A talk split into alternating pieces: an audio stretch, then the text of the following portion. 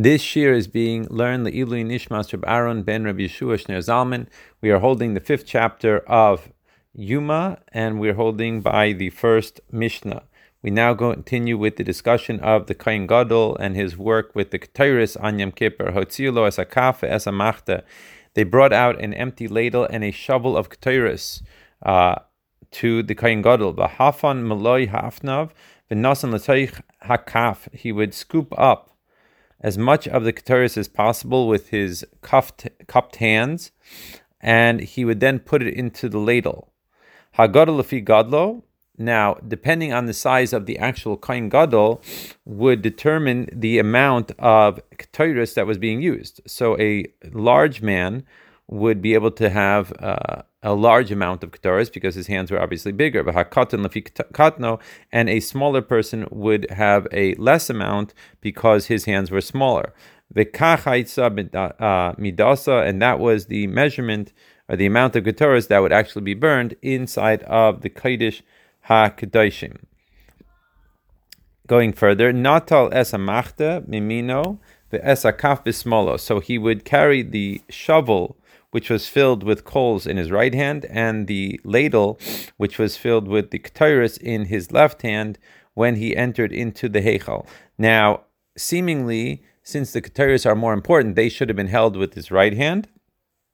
However, the Gemara explains that since it was not practical to hold the heavy coals in his left hand and the keteris in his right hand. So that's why he actually held the keteris in his left hand. Going going weiter, haya mahalach mehechel ad shemegia lebein shtei hapareiches hamavdilos ben kaidish ben kaidish hakadashim. So now he walked through the hechel and through the sanctuary until he reached the curtains which separated between the kaidish and the kaidish hakadashim. So let's just imagine in our mind's eye uh, what this looked like. So you had a the entire building itself was sort of shaped in the shape of a rectangle, and the Kaidish HaKadashim was on the western side of this building, and the Kaidish was on the right side.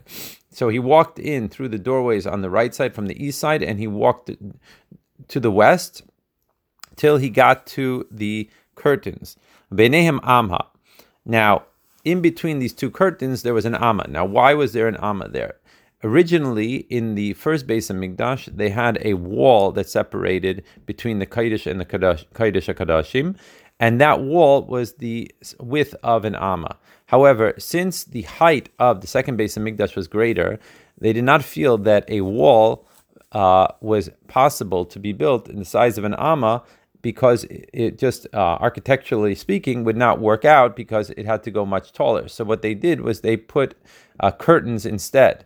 Now the problem was they didn't know whether the ama width of what the wall used to be should be on the side of the kaidish, which would mean that the eastern side of the building would be bigger, and therefore the curtain should be on the so to speak the western side, or whether the Kodesh Kadashim should be bigger, in which case the western side of the building should be bigger, and therefore the curtain should be on the east side. So in order to uh, set it straight, what they did was that they made two curtains, and therefore they put an ama in between, and therefore this ama was sort of like in between land uh, between the Kodesh and the Kodesh HaKadashim. Now Rabbi Yossi, uh, Rabbi Yossi disagrees with it, and he says, Lo Sham ela parechas achaz bilvad, he says that there was actually only one curtain there.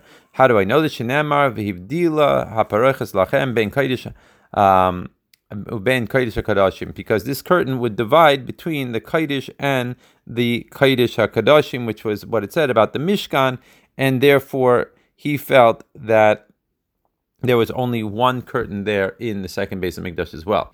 The Tosfos Yontif points out that the curtain itself uh, was going to be an amma thick. Now, going back to what we were saying, going back to the original opinion of that there's two curtains. min hadarum. So if you would imagine this building, this rectangular building, so the outer curtain, namely the curtain that was on the side of the Kodesh, it was opened on the south side. It was bent back on the south side. So if you think about the rectangle, it was on the bottom of the rectangle. So the the the Kayin Gadol would enter on that side. He'd open, go through the curtain, the opening of the curtain, which would be on the, so to speak, on the bottom. And then he would turn and walk through the, in between the Amma, and he would go up to the north side, as we're going to say here, Bahapnimis, Minatzafon, because the inner curtain was bent back on the north side. Mahalik b'nehim ad letzafon. So he would enter on the south side. He would walk in between them and walk towards the north side. Hegia letzafon haifech panav daram. So now, once he went into the Kodesh Hakadoshim, he would once again face to the south because he was going back towards the middle of the building. And he would walk that way. Mahalach lismola im haparoiches ad shehu megia la'aron. He would walk the due south Therefore, the curtain would be on his left side until he got to the Aron um, Kodesh. Hegil Aaron Noisin as Amachta ben Shtei Habadim. So once he got to the Aron, he would place the shovel of the coals on the floor between the two poles. Now, obviously, this is talking about the second base of Migdash because there was a wall, as we mentioned before, in the first base of Migdash. So in the second base of Migdash, there were the curtains. However, there was no Aron HaKadosh uh, in the second base of Migdash. So therefore, he put it in the place where the Aron would have been. Tzavar al gabe Kol habayis kulo ashan. So then what happened was that he would do, as the Rav explains, uh, one of the most difficult avodas of the entire work of the Kohen Gadol in the base of Migdash, or was to somehow get from the ladle into his double cupped hand. So, arguably, so he would either hold it with his teeth or with the tips of his fingers, and he would tip over the ladle, and they would go. The kataris would go into his cupped hands. Then he would put the kataris onto the coals, and he waited inside of the chamber until the Kaidish Garashim filled up with smoke. Yatzav Balo Bederech Beisa Also, then he retraced his steps, meaning that he did not walk with his back towards it, but he walked backwards until he got to the opening in the curtain, and then he would follow through uh, the exact opposite of the way he came in. Umispal Tfila Katsara uh, Bebayis Achitzon, and then he would then say a short davening in the actual Heichel itself, in the outer chamber. And